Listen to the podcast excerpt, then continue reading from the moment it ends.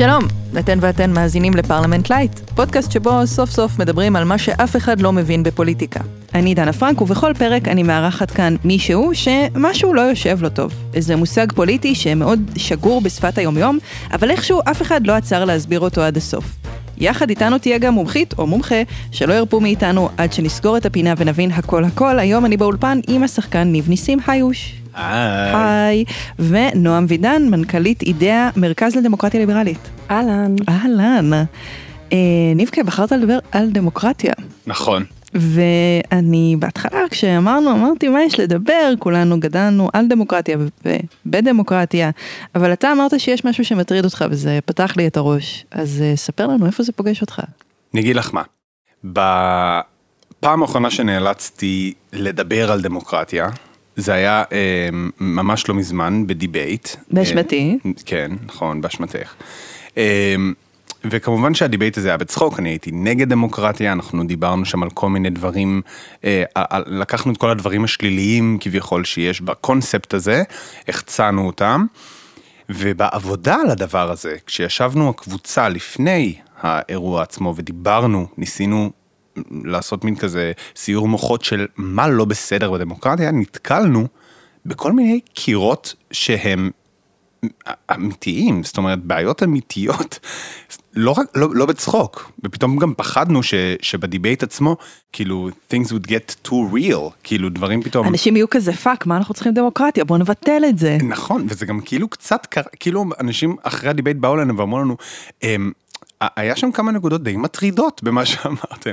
עכשיו, ישר, ישר התחלתי לחשוב מה, כאילו, מה זה אומר? Mm-hmm.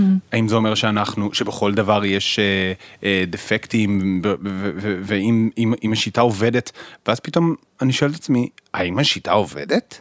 זאת אומרת, לא יודע, התחלתי לשאול את עצמי שאלות. כי מה הבעיה עם השיטה? לא יודע, את מרגישה... בוא, בוא, כאילו השיטה זה מין דבר כזה שמשתמשים בו באופן מאוד כללי. אנחנו מדברים על השיטה הדמוקרטית, פעם בארבע שנים יש בחירות, הולכים לקלפי, שמים פתק. אני נכון. צוחקת כשאני אומרת את זה כי זה כבר לא כל כך המצב. בדיוק. Mm-hmm. ומפה עולה השאלה שלי, אם הדמוקרטיה שכביכול כתובה בספר, לא יודע, שוויון זכויות לכל האזרחים, כל הדברים האלה, הם לא בדיוק קורים. אז, אז, אז האם זה דמוקרטיה באמת? מה ש... כאילו, אתה, אתה שואל את עצמך, אם זה לא נראה כמו פיל, אם זה, אם אין לו חדק, האם זה פיל? כאילו, לא יודע, אני באמת שואל.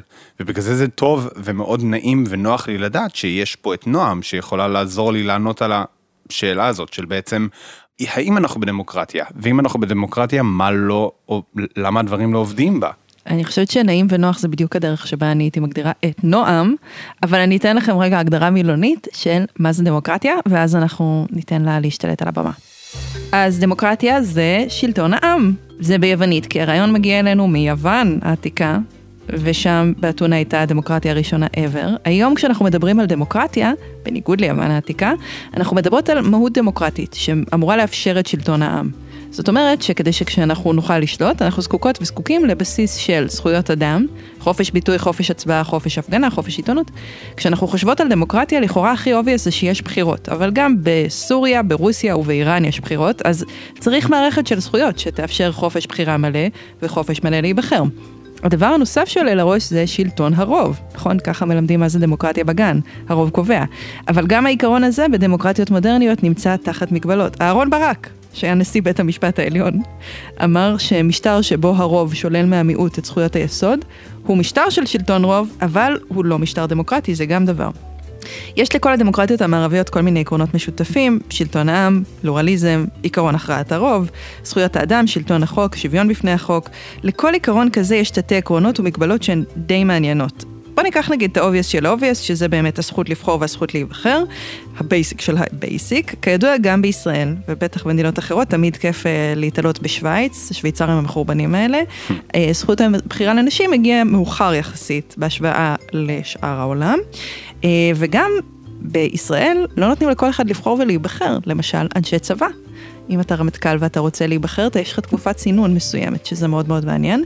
ודבר אה, נתון ככה עסיסי שגיליתי במהלך התחקיר באירלנד, אם אתה רוצה להיבחר לפרלמנט, אתה צריך להוכיח בקיאות בהיסטוריה ובספרות אירית. ידעתם את זה? וואו. איזה תנאי סף מדהים, אם הוא היה כאן, מה היה קורה?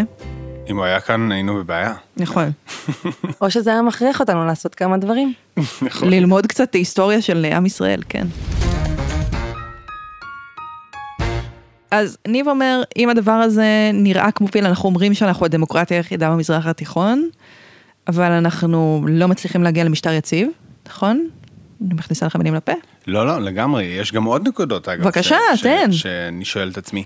למשל, הדבר הכי קלאסי שאני ישר חושב עליו, אני אומר לעצמי, אם אני לוקח דף ועט והולך בכל הארץ ושואל את כל האנשים, האם הם בעד, לא יודע מה, אה, העלאה בתקציבים לניצולי שואה, או, לנכ... או, או לא יודע, חוקים שיעזרו לנכים, כל מיני דברים כאלה שאנחנו יודעים שיש הרבה וזה, ו, ודברים נופלים, זאת אומרת לא קורים באמת.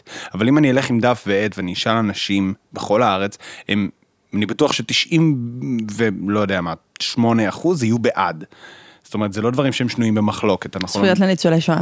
כן, זכויות לניצולי שואה לדוגמה, אבל בפועל כשזה מגיע לכנסת ולדברים האלה, ופה לא תמיד, מה זה לא תמיד? הנה עובדה, אנחנו, האופוזיציה בעצם אמרה שהיא לא הולכת להצביע בעד אף חוק שעולה בגלל שהם רוצים להפיל את, הממשלה, אבל כאילו, זאת אומרת, האופוזיציה לא תעזור לשום דבר, אפילו אם היא מייצגת רצון הבוחרים שלה. נכון, עכשיו אני אז בטוח שזה איפה, אז מייצג. איפה שלטון העם, אתה אומר? בדיוק. נועם מתה לדבר. לא מתה, דווקא מעניין אותי לשמוע אתכם. אוקיי. אמ, אני חושבת ששווה לחזור לפני אופוזיציה, קואליציה, למה דברים לא עוברים, איך זה תקוע, אולי להבין, לחזור שנייה ליסודות של מה זה אמור להיות ומה המחשבה מאחורי זה, אה, מה הכוונה, על מה זה אמור להגן או מה זה אמור לשרת. אה, וכשנבין מה העיקרון, אז גם נבין איפה הוא כושל וגם איפה הוא מעוות. זאת אומרת, נראה לי שהרבה מהדברים שאתה מעלה, הם, סליחה, אבל זה, זה עיוות, או שזה כשל בתוך הרעיון הזה. אה, וגם נראה לי שיש עוד הבדל קטן שצריך לשים בין רעיון שהוא מהות, שהוא ערכים שאנחנו רוצים לקדם ואנחנו מאמינים בהם, שקצת נגעת בזה כשאמרת לנשים, סליחה, איך יכול להיות שנשים קיבלו זכות הצבעה כל כך מאוחר, אם אה, דמוקרטיה אמורה להיות שלטון של העם, אז איך 50 יכול להיות? מה? 51 אחוז מהעם הזה נשים. עובדה שבשוויץ הגיעה זכות ההצבעה לנשים כל כך מאוחר, זה פדיחה של הדמוקרטיה. זה, זה עיוות. זה כמו שבארצות הברית הייתה דמוקרטיה בזמן שהייתה עבדות. זה לא, זה לא הגיוני. זה לא הגיוני מבחינה עקרונית, מהותית של דמוקרטיה. זה לא, דמ... בתפיסה שלנו דמוקרטיה לא יכולה לאפשר עבדות, כי היא לא יכולה לאפשר אי שוויון וחוסר צדק, נכון? אז במובן הזה, זה אינטואיטיבי, אנחנו מבינים שדמוקרטיה אמורה להבטיח שוויון לכולם. ואז יש כל מיני שאלות שעולות, מי זה כולם? אמרת קודם שלטון העם, מי זה עם? האם העם זה כל בני המקום? מי מחליט מי בן המקום? והאם יש, אה, יש דמוקרטיות שיכולות להבטיח אה, זכויות יתר לקבוצות אחרות על פני, אה, מסוימות על פני אחרות? אנחנו יש פה כל יודעת מיני- שכן. יש פה כל מיני שאלות שאפשר לשאול והם יהיו במסגרת השאלה הדמוקרטית. אז אה, נראה לי ששווה שנייה לחזור לבסיס, Mhm. ולהגיד שדמוקרטיה היא צורת משטר, קודם כל. והיא צורת משטר שאמורה להבטיח או ליישם ולממש ערכים מסוימים. אה, מתוך תפיסה שאנחנו אומרים, אוקיי, צורות המשטר שקדמו להם הן צורות משטר אה, שההחלטות בהם התקבלו על ידי כוח, על ידי אדם אחד עם כוח, מלך, שעבר משושלת על ידי זה שהוא נולד למשפחת מלוכה או אצולה, אה, ויש מקומות שיש בהם משטר צבאי והצבא שולט באמצעות כוח אה, זרוע וכן הלאה, ודמוקרטיה היא שיטת משטר שמבוססת על אה, כוח שנאסף באופן אחר. זו שיטת משטר שמבקשת לערב את הציבור בקבלת ההחלטות, את כל הציבור. עכשיו אנחנו, בערכים המכוננים של השיטה הזאת, אנחנו שמים בבסיס שלה שוויון וחירות, ואנחנו רוצים שלכל בני אדם יהיה אה, שוויון בחלוקת החירויות שלהם. והדמוקרטיה הליברלית היא כזאת שיטה שאמורה למצוא את הדרך ליישם את ה...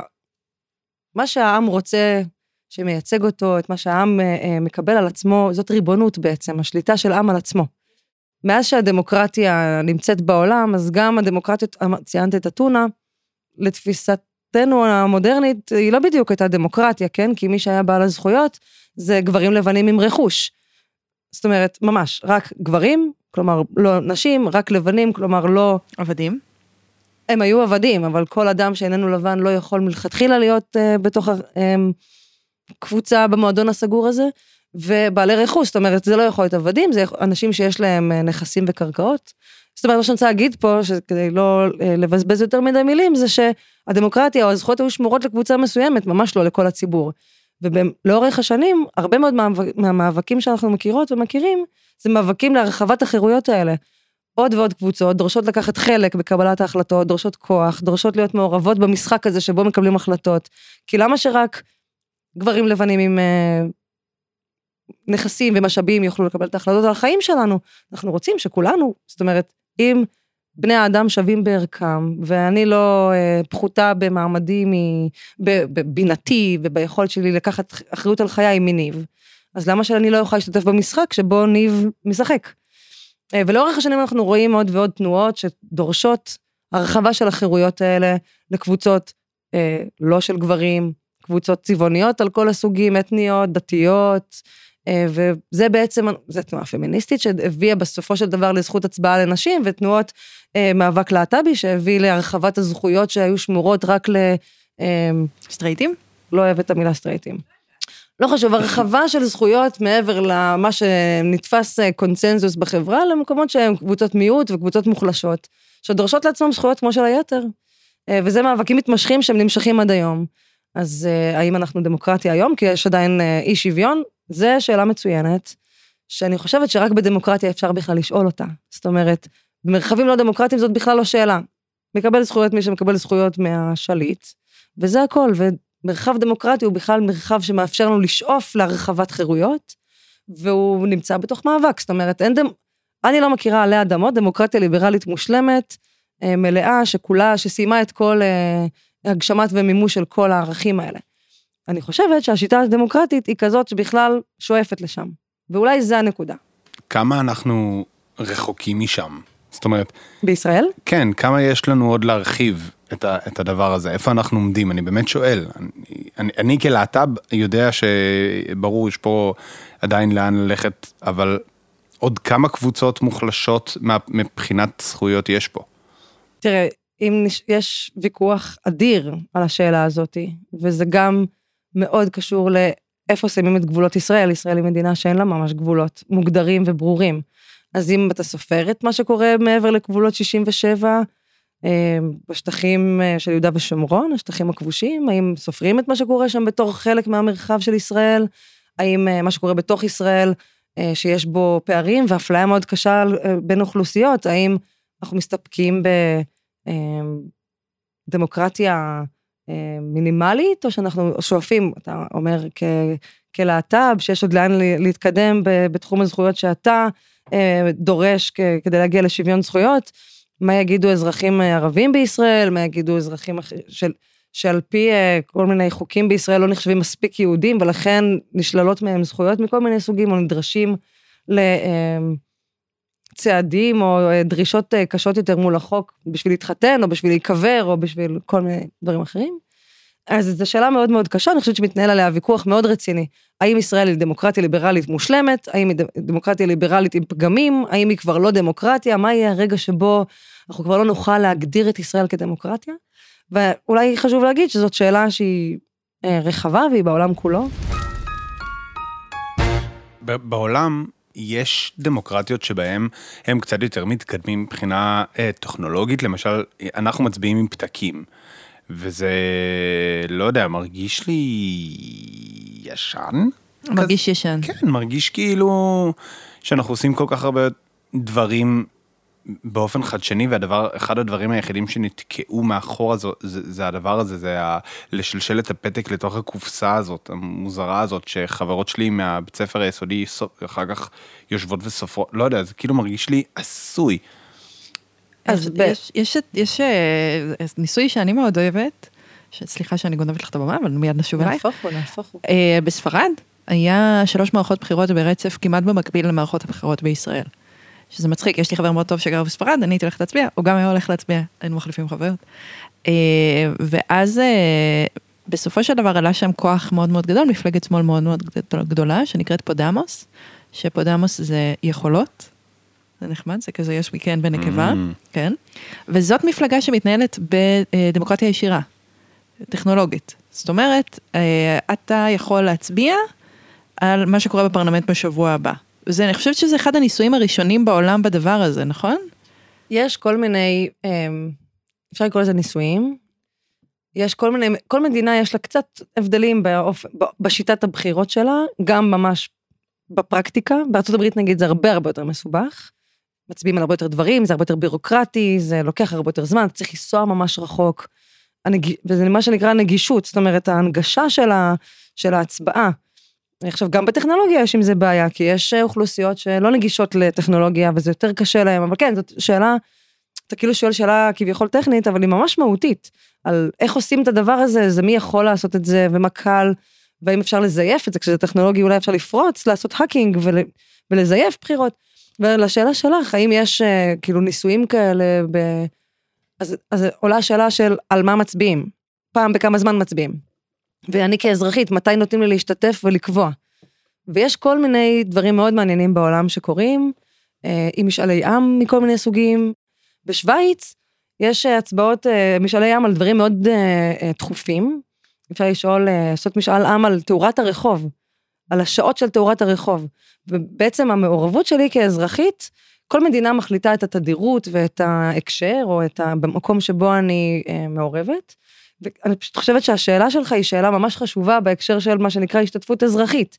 איך אני משתתפת, איך מצפים ממני להשתתף. כן, יש משהו מאוד מיושן בפתק אה, עם, אותו, עם אות, שאסור שהוא יהיה בטעות שניים, ושמים בתוך מעטפה שאתה מלקק אותה, ושם אותה בתוך קופסת קרטון כחולה, מוזרה כזאתי, ואשכרה סופרים פתק פתק, זה באמת יכול להשתפר. אה, וזה מייצר אתגרים מאוד מעניינים ב, ב, בתחומים האלה של אה, זיוף בחירות, שקיפות של בחירות, וזה בטוח, בטוח, בטוח ישתנה, אין שום סיכוי שזה יישאר ככה. מרגיש לי מה שאמרת על משאלי עם, מרגיש לי ש, שפה במדינה שלנו זה משהו שיכול, לא יודע, עכשיו, עכשיו אמרת את זה ופתאום אני חושב לעצמי, וואו, זה, זה, זה, זה, זה בדיוק מה שהתחלתי ממנו.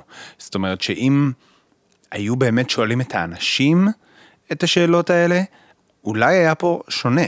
כי יש לנו היום בעצם אני מחזירה אותך לשיחת ההכנה שלנו כמו בן אדם מלוכלך, אה, אתה התייחסת בעצם למשחק הפוליטי בתור איזה תוכנית ריאליטי. כן. שאתה מצביע למתמודד עם הסיפור חיים הנוגע ללב, ולאו דווקא למי שהכין את המנה הכי טובה. לגמרי, או, או, או, או למי שיש לו את הקמפיין הכי טוב, למי ש... אני מפחד ממש מהבחירות עכשיו. אני, למה? אני, כי א', לא בא לי לקבל אס.אם.אס כל שלוש דקות, לא בא לי, אני לא רוצה. גם עם כל האס.אם.אסים של הקנאביס עכשיו, אני לא רוצה לקבל כל כך הרבה אס.אם.אסים, אני לא רוצה ללכת ברחוב ולראות תמונות של, של מנהיגים שבוחרים את התמונה הכי מכוערת שלהם, עושים אותה לשחור לבן ורושמים בכיתוב אדום, ואני לא רוצה את זה, זה, זה, זה תקופה לא כיפית, לא זה טובה. זה מאיים. מאיימת, מלחיצה. אתה נקלע לוויכוחים ומריבות עם אנשים שאתה אוהב, אתה לא יודע מה להחליט בעצמך, אתה, אתה, אין, אין פה שום דבר ברור, אין אחד שאתה אומר, mm, הוא מחזיק את הדגל שלי, אני, אני באמת לא, אני לא יודע מה אני הולך לעשות, אני לא יודע. אוקיי, okay, אז אני הולכת לענות על כל השאלות האלה. יאללה, בסדר. יכול להיות שאת תצטרכי לערוך אותם בסדר אחר. רק אליו. ננסה, נראה. כן. אז אמ, אני אתחיל קצת ממה שאתה אומר על לא רוצה לראות את כל הקמפיין הזה, זה מייצר לי ויכוחים עם אנשים שאני אוהב, זה כל הזמן, זה חודר לי למרחב שלי, מלא אס.אם.אסים שבכלל לא אכפת לי, כל מיני מתמודדים אנונימיים שולחים לי אס.אם.אסים שאין לי מה לעשות איתם, אז um, אני מאוד מזדהה עם התחושות האלה, זה מאוד מאוד מתיש. אבל אני אגיד שני דברים על זה. להיות אזרח בדמוקרטיה זה עבודה. מצפים מאיתנו להיות מאוד מעורבים, אנחנו, אנחנו בעצם אלה שקובעים, אז אנחנו נדרשים לדעת כל מיני דברים. אנחנו נדרשים לדעת מה הוויכוח, שיהיה לנו דעה בתוכו, אנחנו צריכים לעמוד מאחורי הדעה שלנו, כל מיני דברים מופרעים. אנחנו מצופים אה, אה, להתווכח ו- ולקדם את הדעה שלנו, ואנחנו מצפים לבחור את מי שמייצג את הדעה שלנו, זה אומר שאנחנו צריכים בכלל לדעת מי האנשים האלה, ומה הם רוצים, ונגד מה הם, ובעד מה הם, ולדעת שאנחנו תומכים בדעות שלהם. אה, ואז גם להיות מעורבים לאורך כל הזמן שהם בקדנציה שלהם, כדי שאם הם מפשלים ועושים בניגוד למה שהם הבטיחו לנו, אנחנו נפטר אותם. וזה הכוח שניתן לנו, זאת אומרת, יש בזה דבש ועוקץ. זה דבר מאוד קשה, זה, זה באמת דורש מאיתנו ללמוד היסטוריה ו... מה אמרת שהם לומדים? היסטוריה, היסטוריה ו... וספרות אירית. וספרות אירית. וואו. זה דורש מאיתנו להיות בקיאים ובקיאות במציאות שלנו. זה דבר, לא, לא בא לי. זה דבר מאוד מתיש.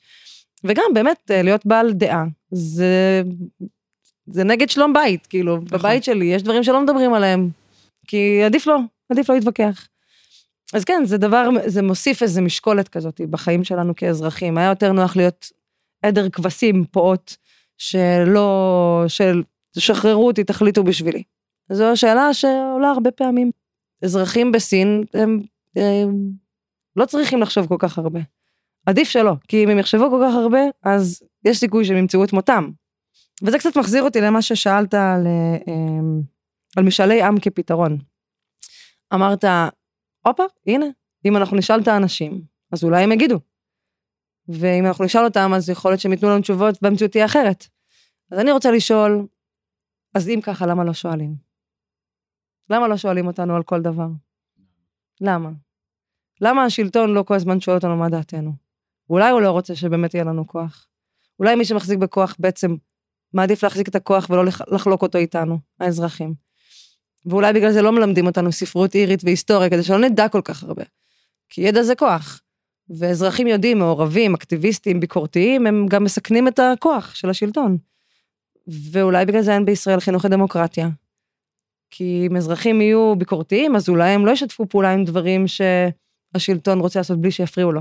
עכשיו, זה כל שלטון בעולם, זה חלק מהעניין של השיטה הזאת, שיש איזה, יש איזה מין אה, האיזונים והבלמים של הדמוקרטיה, שזה ממש משיעור אזרחות בכיתה ט', זה קונפליקט פנימי. כי מי רוצה לשאוף לכוח ואז לבלום את עצמו? מי שרוצה כוח, רוצה כוח. ואז אני עושה שיעור היסטוריה שאולי הוא מאוד משעמם. אבל כשהוקמה מדינת ישראל, ניתנה, ניתנה לכנסת הסמכות גם לכונן חוקה. ומהי חוקה? חוקה היא חוקי יסוד שאמורים להגביל חקיקה. חברי הכנסת היו מצופים לשבת לרגע אחד כמחוקק ולרגע אחד כמי שבולם את המחוקק. זה מוזר. הם לא עשו את זה. הם לא עשו את זה, אבל גם זו ציפייה מוזרה. Mm-hmm. זו ציפייה מוזרה שהם ייצרו את החקיקה שתבלום אותם מלחוקק חוקים. מי שיש לו כוח ויכול להכתיב את החקיקה של המקום הזה, הוא גם יכתוב את ספר, הוא יכתוב את ההגבלות, והוא יכתוב את מה שיגביל אותם מלחוקק. אז יש משהו בשיטה הזאת שהיא מצד אחד רוצה שהאזרחים יהיו מעורבים.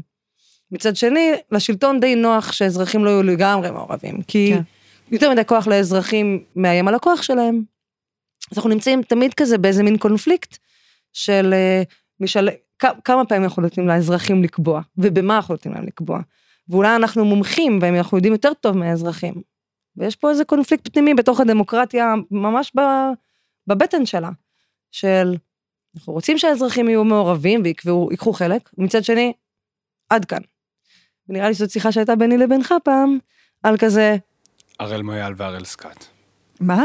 הראל מויאל והראל סקאט. אוקיי, למה דיברתם על הראל מויאל והראל סקאט? הראל מויאל, יסלח לי יעל, אני, כן. אני, הוא אחלה, אבל כאילו, בואו. כולנו היינו בשוק שצביקה אה, הודיע בתדהמה על ה... ו, ואולי, באמת, אולי... מה זה אומר? מה, המסק... מה הנמשל? שאולי לא צריך לתת לעם להחליט כל... הכל. אני חושבת שהדוגמה של אה, ניב על הראל והראל היא מושלמת. למה? כי בסוף, רובנו טמבלים. ומה, אנחנו צריכים שכל הטמבלים האלה יקבעו על חיינו? מה אני יודעת? מה אני יודעת על איך צריך לפתור את הסכסוך הישראלי-פלסטיני? מי שמי? מה אני יודעת? יש אנשים שזה המקצוע שלהם. אז אני מאוד מזדהה איתך בתחושה הזאת של לתת כוח לכל ההמון הזה, זה דבר uh, גם מסוכן, uh, וגם אולי לא חכם, כי אז אריאל מויאל, שהוא חד משמעית פחות שווה, טוב, כן? בדיוק, הנה, וזה מה שקורה. אז uh, זאת שאלה מצוינת בעיניי. ניב שאל ממש בתחילת דבריו, מתי משהו נראה כמו דמוקרטיה, אבל הוא כבר לא דמוקרטיה. יפה.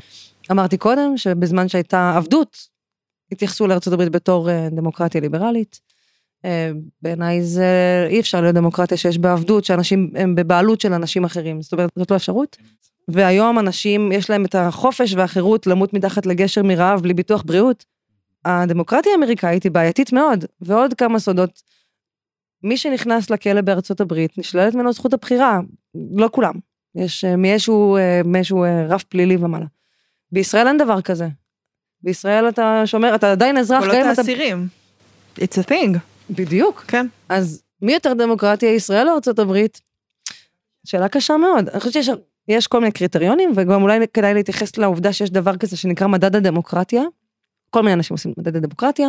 יש שניים גדולים בעולם שמתייחסים אליהם ברצינות, שהם, שהם יצרו מדד שיש בו כל מיני סעיפים וקריטריונים, השתתפות, אה, עיתונות חופשית וככה.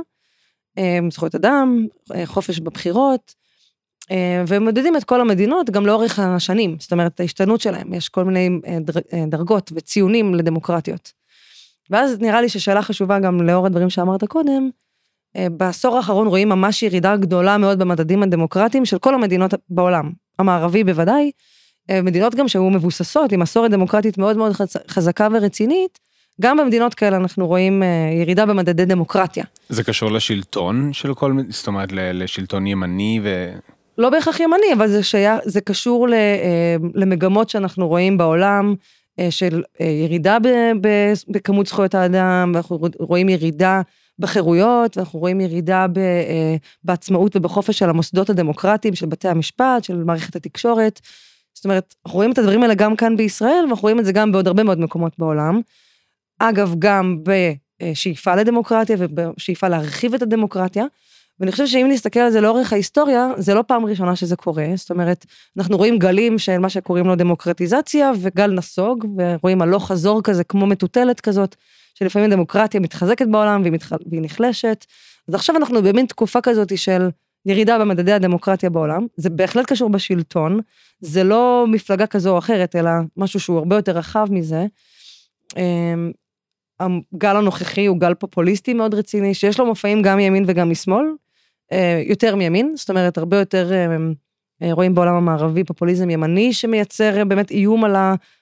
או החלשה של הדמוקרטיה הליברלית, אבל גם זה ויכוח מאוד מאוד גדול, האם זה בעצם הדמוקרטיה האמיתית, זה כאילו ויכוח של אה, מי שטוען שהוא הדמוקרטיה האמיתית, אה, אבל הוא בעצם מביא לחיזוק של, אה, של, של מנהיגים מאוד חזקים, שמרכזים אצלם את הכוח ומחלישים את כל המבנה הדמוקרטי הזה, שתפקידו הוא לבזר את הכוח. תפקידו הוא, הוא לבלום את הכוח של הרוב, שיכול גם לדרוס את המיעוטים. נראה לי שבשיעורי האזרחות היינו קוראים לזה אה, עריצות הרוב. הרוב, אם הוא שולט, צריך לבלום אותו על ידי כל מיני כלים, באמצעות כל מיני כלים, כדי למנוע את עריצות הרוב. אז איך אנחנו עושים את זה? אנחנו עושים שבית המשפט יהיה עצמאי ויוכל אה, לפסול חקיקה שהיא מנוגדת לחוקה, או שהיא פוגעת בזכויות אדם. אנחנו עושים את זה באמצעות זה שהתקשורת היא עצמאית ויכולה לבקר את השלטון ולחשוף בפני האזרחים את, ה, אה, את הפעולה של הנבחרים שלהם, באמצעות זה שהכנסת יכולה לפטר את הממשלה. ולהיות ביקורתית כלפיה. אז יש לנו כל מיני, כאזרחים, יש לנו כל מיני כלים כאלה, שבאמצעותם אנחנו יכולים לעצור את הרוב מלעשות מה שהוא רוצה. אה, אז אנחנו רואים מגמות כאלה בכל העולם של היחלשות של המוסדות האלה. שהתקשורת הופכת להיות לא עצמאית, שבית המשפט הולך ומאבד מהכוח שלו, וזה גם מאוד קשור באמון הציבור שהולך ונחלש בכל המוסדות האלה, מסיבות שכדאי מאוד להסתכל עליהן. 2011 היה כזה פתאום שאיפה נורא נורא גדולה לדמוקרטיה במדינות ערב, קראנו לזה האביב הערבי, וזה נבלם. כאילו הדבר הזה לא הלך להם. יכול להיות ששם התחיל הגל שאנחנו מסתכלות עליו עכשיו? יותר מזה שזה נבלם, אלא שזה גם יצר איזשהו סוג של אה, רגרסיה. זאת אומרת, הרבה פעמים מין אה, ניסיונות דמוקרטיים מהאביב הערבי היה הבטחה גדולה שנכשלה, והאכזבה הזאת הציבורית לא משנה כרגע למה, כן? אפשר לדבר על האם המודל הזה הוא מתאים לכל המדינות, האם כל התרבויות צריכות להתאים את עצמן למודל שהוא כל כך מערבי, בהקשר אפילו של המקום של הדת בתוך המודל הזה, מלא דברים שאפשר לדבר עליהם. אבל העובדה שגל דמוקרטיזציה כל כך, או שאיפה דמוקרטית כל כך חזקה של האזרחים נכשלה, אז האם זה חלק ממה שיצר את הדרדור הזה ואת ההידרדרות הקשה הזאת? בהחלט יכול להיות. אמ, לגמרי, יש, אני חושבת שהמגמות האלה של הלוך חזור, של כוח עולה וכוח יורד, זה דבר שלגמרי שווה להסתכל. אני רוצה רגע שנדבר ממש כמה דקות על קמפיינים פוליטיים, כי זה עלה. שמע, גם אריאל מויאל, היה קמפיין. באמת? בטח. אני לא זוכר. גם היה אל תתלבט אה, הצבע נינט. אה, זה אתה, אני לא יודעת אם אתה זוכר. אני הצבעתי שירי. הצבעת שירי? כן, ממי. טוב, אתה... גם סקאט. סליחה. אני, אני, אני מקומות שניים אצלי זה... זה חזק. אתה גם קוהרנטי. זה ממש בחירות קוהרנטיות. לגמרי. אז מה, מה יש לנו להגיד על קמפיינים בעידן זה של קמפיינים שבאמת אין להם סוף? כאילו אחד הדברים הנחמדים בממשלה שהייתה לנו עכשיו, זה שהיה רגע הפוגה מה, מהקמפיינים, מהמטחנת בשר של הקמפיינים. איך אתם מרגישים בקמפיינים? חרא. למה? סתם, לא יודעת, אני אמרתי חרא, אולי אתה לא מרגיש חרא. אה, אה, לא יודע, אני, אני מצד אחד, תשמעו, אני יושב, אני כאילו באתי לפה אחרי שהשלמתי שלושה פרקים ברצף של האח הגדול, אני אוהב ריאליטי, אין לי בעיה עם, עם, עם... תככים. תככים, זימות, זה, זה אחלה, אבל פה, במקרה הזה, מרגיש לי שבשנים האחרונות, גם בגלל כל המערכות בחירות שחוזרות על עצמן, אנחנו, כל הזמן יש קווים אדומים שנחצים שאני תופס את הראש ואני אומר די נו זה לא יכול להיות שאנשים שנמצאים שם למעלה מדברים ככה מתבטאים ככה זה פשוט הזוי מכל הצדדים. כאילו איפה הגבול? למה אין אף כאילו יש לך ציפייה מוצדקת וחשובה מהמנהיגים שלנו להיות מבוגר אחראי? ומנהיגים ולהוביל אותנו באיזה דרך כזאת של אה, איך אמורה החברה הישראלית לשוחח ולהתנהל. וזה לא רק, ואגב לא רק ישראלית, גם בארצות הברית בשנים האחרונות זה היה ככה, תופסים את הראש של כל, כל, כל שבוע אתה תופס את הראש על התבטאות אחרת שם בצמרת, זה פשוט, זה... זה מטורף. כן. אני חושבת שהחוסר אחריות פה והקיטוב הקשה שקורה בחברה הישראלית, המנהיגים שלנו לא אה, תופסים את עצמם כמי שאמור לעצור את זה, אלא כמי שמוביל את זה. ויש לנו ציפייה מהם כאזרחים שהם יהיו משהו אחר בתוך הדבר הזה. אני חושבת שיש, אה, מש, המשבר הדמוקרטי הוא משבר פוליטי מאוד רציני, הוא גם משבר של מנהיגות, ואני חושבת שהריאליטי, הם, יש, יש לזה תפקיד בדבר הזה, ובאמת המציאות הפוליטית וגם תפיסת המנהיגות מאוד מאוד השתנתה, וגם תפיסת המוסדות, גם התקשורת השתנתה. עיתונאי זה, היום זה לא מה שפעם היה עיתונאי. התקשורת, מה שהיא מביאה אלינו כאזרחים, היא כבר לא אמונה להיות אה, המדווחת שלנו. אנחנו לא צריכים אותה ככזאת, אנחנו כל היום מקבלים המון המון מידע, כל אדם עם סמארטפון היום הוא עיתונאי. נכון. אז מה התפקיד לכאורה. של... ברור שלכאורה, אבל כל המוסד הזה, ש...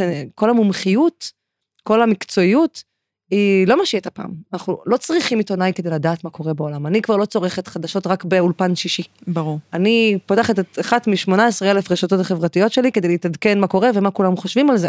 אני לא צריכה פרשן פוליטי שיסביר לי מה קרה. אה, ובמובן הזה אנחנו איבדנו את הכבוד למוסד. גם תמיד במערכות בחירות אצלנו אני מרגיש שתמיד קורים דברים נורא דרמטיים. אני לא אומר פה, אני לא שום סאבטקסט ממה שאני אומר, אבל תמיד שיש אה, מערכות בחירות, משהו רע מתרחש ומבעבע ברקע, אה, ש, ו, ומרגיש לי שזה גם משפיע הרבה פעמים על בחירה של אנשים. זאת אומרת, כאילו, ה, כמה פעמים אני אומר כאילו, הבחירה היא לא נקייה. רוב הפעמים מרגיש. אבל האם יכולה להיות בחירה נקייה? כאילו, אנחנו רוצים רובוטים שיחליטו בשבילנו איך צריך לחיות? אולי הגענו לנקודה שבה אי אפשר כבר להסתמך על המוסדות הדמוקרטיים כמו שהכרנו אותם, צריך לשקול אופציה אחרת, באמת אני שואלת. אני חושבת שדמוקרטיה, כמו אה, שיטת השלטון בסין, זה איזשהו דיל שנעשה בין השליטים לאזרחים. זו שאלה טובה מאוד, מה הדיל השווה יותר? מה משתלם יותר? לוותר על החירויות שלי כאדם חופשי בעולם, ובתמורה לזה לקבל אה, רווחה? האם אנחנו מוכנים לזה? האם היינו מוכנים לדיל הזה? אתה היית מוכן לדיל הזה? אה, תראו, אני לא יודעת מה להגיד לכם, אנחנו מתקרבים לסוף הזמן שלנו, הייתם מאמינים? לא. פשוט לא, לא דיברנו לא. על כלום, לא הגענו לפני השטח בכלל. נכון, יש לי עוד מלא... ניב. תגיד עוד משהו. תגיד, סתם, למשל זה שאנחנו דמוקרטיה ליברלית במדינת ישראל, זה אומר שתמיד יהיו משהו קרוב לחצי מה, מה, מהמדינה שאנחנו חיים בה, לא יהיו מרוצים. למה? מהשלטון לא יהיו, מי, ש, מי שהם בחרו בו לא יהיה נכון. זה ש... זאת אומרת, אין פה אף פעם מ, מ, אה, מישהו, אה, מפלגה שמנצחת אה, ראש ממשלה שבחרו בו רוב האנשים. זאת אומרת, יש פה, מה, זה 30 אה, אחוז הכי הרבה, כאילו, זה דמוקרטי? זאת שאלה מעולה, גם כי עולה השאלה, אם אני נבחר ציבור, האם אני רק שליח של הציבור שבחר בי, שם את הפתק שלי, או שאני, יש לי אחריות קולקטיבית על כל אזרחי ישראל, גם אם הם מיעוטים, מיעוט פוליטי, נגיד נשים הם מיעוט פוליטי, למרות שאנחנו לא מיעוט מספרי, אנחנו מיעוט פוליטי, ואז אנחנו תמיד בתת ייצוג. אז. האם רק נשים, בכנסת, האם רק נשים אמורות לדאוג לנשים, או שזה בעיקרון, כשאתה נבחר ציבור, נבחרת ציבור, אתה אמורה לדאוג לכולם. אני חושבת שהפוליטיקה בשנים האחרונות, בעשור האחרון, הולכת יותר ויותר ונהיית סקטוריאלית. ואז אם האנשים האלה שלחו אותי, אני מייצגת רק שלהם. ואני חושבת שזה גם מייצר משבר אמון מאוד קשה.